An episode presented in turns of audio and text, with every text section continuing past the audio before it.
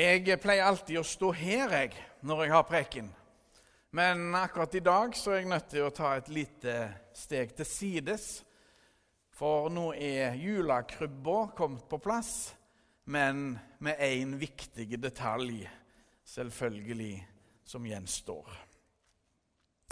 Juleevangeliet, slik Matteus framstiller det, tar utgangspunkt i Josef sin opplevelse av det hele. Josef kommer opp i et kjempestort dilemma. Han vet at det ikke er han som har gjort Maria gravid. Han vet at han ikke er faren til barnet. Josef er så glad i Maria at han tenker ut en god løsning for henne. Men Gud griper inn. Josef får trygge visshet om at Maria hører til hos han. La oss reise oss og høre Herrens ord. Det står skrevet i evangeliet etter Matteus. Med Jesu Kristi fødsel gikk det slik til. Hans mor, Maria, var lovet bort til Josef. Men før de var kommet sammen, viste det seg at hun var med barn ved Den hellige ånd. Josef, mannen hennes, som var rettskaffen og ikke ønsket å føre skam over henne, ville da skille seg fra henne i all stillhet. Men da han hadde bestemt seg for dette, viste en Herrens engel seg for ham i en drøm og sa, Josef, Davids sønn, Vær ikke redd for å ta Maria hjem til deg som din kone. For barnet som er unnfanget i henne, er av Den hellige ånd. Hun skal føde en sønn, og du skal gi ham navnet Jesus. For han skal frelse sitt folk fra deres synder.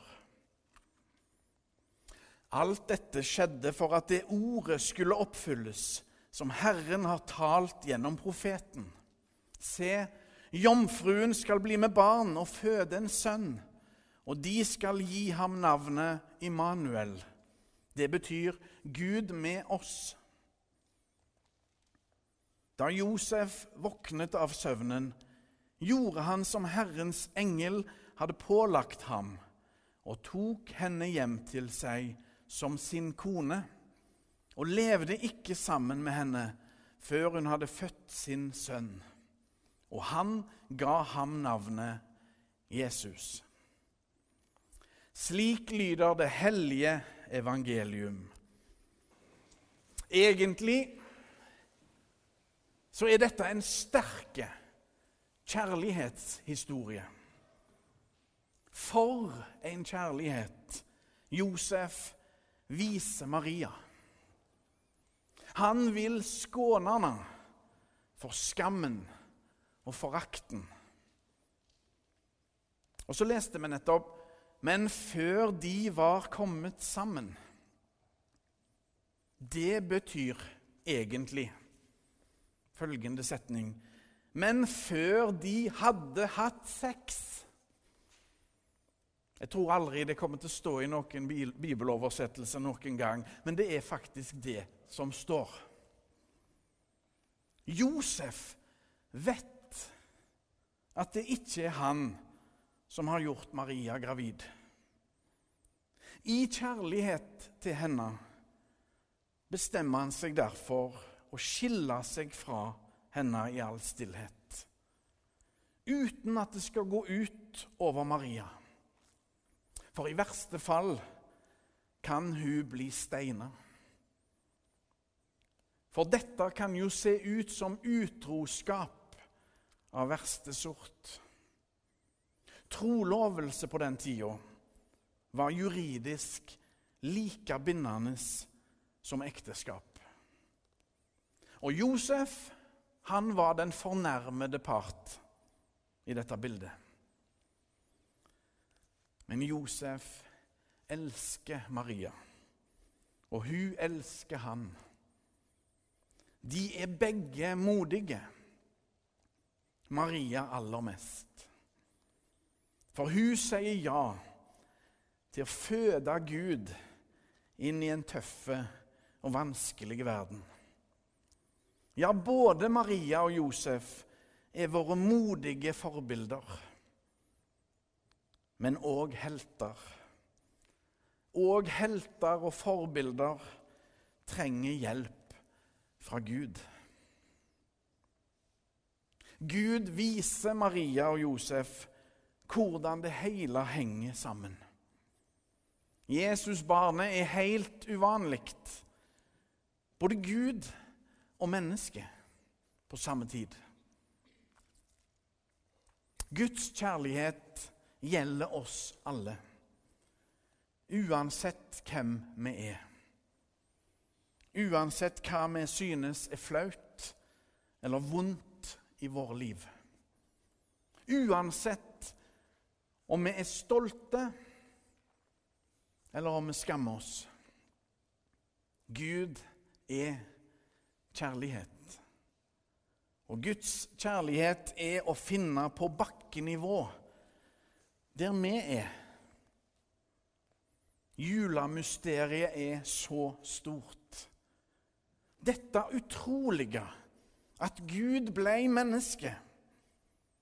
Guds kjærlighet gjør seg synlige i krybba. Guds kjærlighet trenger bleier. Den lærer seg å gå. Den stabber seg inn i verden på barneføtter. Lærer seg å snakke. Lære seg et håndverk. I Jesus, i dette lille barnet, kommer Guds kjærlighet til verden. Gud har blitt en av oss. Jesus er å finne i våre medmennesker, i vår neste. Jesus er vårt store håp. Navnet Jesus, eller Jeshua, betyr Herren frelser. Jesus kom på forunderlig vis og fullførte det han var kommet for å gjøre frelse sitt folk fra deres synder, som vi nettopp leste i teksten. I en vakker julesang så blir Jesus sammenligna med ei rose som oppstår midt på vinteren. I siste verset i den sangen som heter 'Det hev ei rose sprunget', i siste verset der blir det sagt nydelig Guds rose Ljuvleg anger. Det betyr dufte svært godt. Guds rose, ljuvleg anger. Og skin i jordlivs natt. Når hender ljos oss fanger. hun vært vår beste skatt. Det gjelder å la seg fange. Det gjelder å la seg fange av Guds fullkomne kjærlighet. Ære være Faderen og Sønnen og Den hellige ånd, som var, er og blir en sann Gud fra evighet og til evighet. Amen.